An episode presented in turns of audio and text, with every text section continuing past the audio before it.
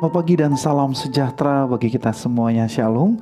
Bersama dengan saya Pendeta Leri Tulus Tobing, kita masuk dalam renungan suara sorgawi.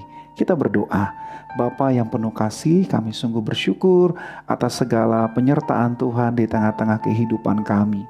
Di dalam menghayati minggu-minggu prapaskah, kami boleh semakin dipersiapkan di dalam menyambut dan merayakan akan kebangkitan Tuhan yang mengubahkan kehidupan kami. Biarlah pada saat ini kami bersama boleh menjalani hari yang baru ini dengan firman Tuhan yang Engkau karuniakan. Kami membuka hati, biarlah Allah Roh Kudus boleh memimpin kami di dalam membaca dan merenungkan firman-Mu. Hanya di dalam nama Tuhan Yesus kami berdoa. Amin. Ya, sahabat surgawi, tema yang akan kita renungkan pada saat ini ialah penerimaan yang mengubahkan. Kita akan membaca dari kisah para rasul 9 ayat 26 sampai 27. Firman Tuhan berkata, Setibanya di Yerusalem, Saulus mencoba mengabungkan diri kepada murid-murid. Tetapi semuanya takut kepadanya, karena mereka tidak dapat percaya bahwa ia juga seorang murid. Tetapi Barnabas menerima dia dan membawanya kepada rasul-rasul dan menceritakan kepada mereka bahwa Saulus melihat Tuhan di tengah jalan dan bahwa Tuhan berbicara dengan dia dan bagaimana keberanian yang mengajar di Damsik dalam nama Yesus. Sahabat surgawi, sebuah kata mutiara dari Paul Bus berkata, pengampunan tidak mengubah masa lalu, tetapi memperbesar masa depan. Apa yang disampaikan Paul adalah bukti bahwa tindakan kasih memiliki kekuatan yang besar untuk menerima kembali keberadaan seseorang yang tadinya memiliki masa lalu yang kelam karena dosa dan kejahatan yang pernah ia lakukan dan mungkin saja membuat banyak orang meragukan dirinya.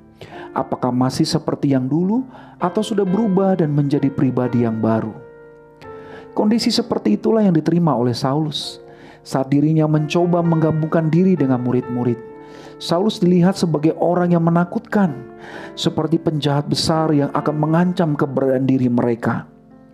Namun sikap Barnabas berbeda. Ada keyakinan yang muncul di hati Barnabas bahwa Saulus sudah berubah. Dengan semangat ia pun membawa Saulus di tengah-tengah para murid lalu menceritakan bagaimana Saulus melihat Tuhan di tengah jalan. Dan Tuhan berbicara dengan dia dan bahkan Saulus dengan berani mengajar di Damsik dalam nama Tuhan Yesus. Keyakinan Barnabas memberi penerimaan yang seluas-luasnya kepada Saulus untuk menjadi bagian dari keluarga Tuhan. Keyakinan itu tentu berdasar sebab bukti bahwa orang yang sudah menerima pembaruan dari Tuhan ialah ia akan menyampaikan tentang Tuhan yang luar biasa. Bukanlah lagi menunjukkan kepandaian, kehebatan dirinya, tetapi hanya Kristus Tuhan yang adalah Allah yang mengasihi dan menyelamatkan kita yang berdosa. Sehingga Saulus yang berarti yang diinginkan atau didoakan lalu berubah menjadi Paulus yang berarti kecil atau rendah hati. Perjumpaan dengan Kristus telah membuat Saulus merasa dirinya begitu kecil dan ia sadar bahwa ia harus merendahkan hati dan diri di hadapan Tuhan. Semua prestasi dan kehidupan masa lalu bukanlah lagi sebagai kebanggaan, tetapi pengenalan akan Kristuslah yang merupakan hal yang paling berharga.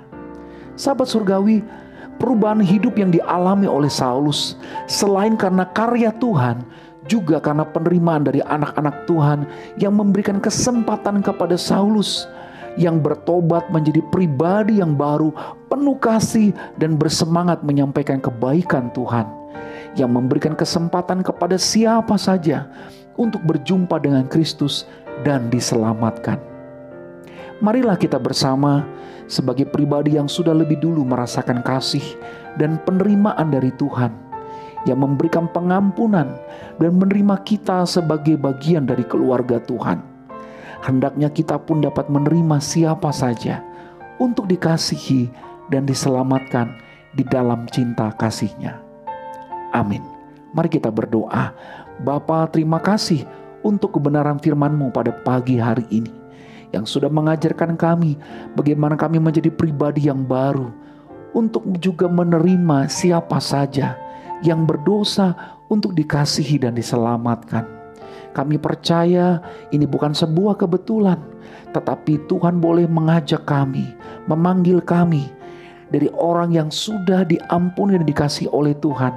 Maka kami pun juga punya tugas untuk menceritakan tentang kebaikan Tuhan kepada mereka yang membutuhkan kasih-Mu.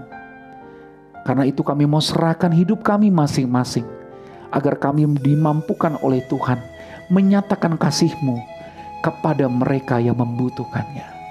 Terima kasih Bapa, kami serahkan hari ini aktivitas kami agar apa pun yang kami lakukan semuanya sebagai bukti, sebagai tanda atas kasih Allah yang sudah menerima kami apa adanya, dicintai, dikasihi, menjadi pribadi yang baru yang sudah diubahkan olehmu. Terima kasih Bapa, di dalam nama Tuhan Yesus kami berdoa. Amin. Tetap semangat dan teruslah berkarya menceritakan kebaikan Tuhan di tengah-tengah hidup kita. Tuhan memberkati kita semua.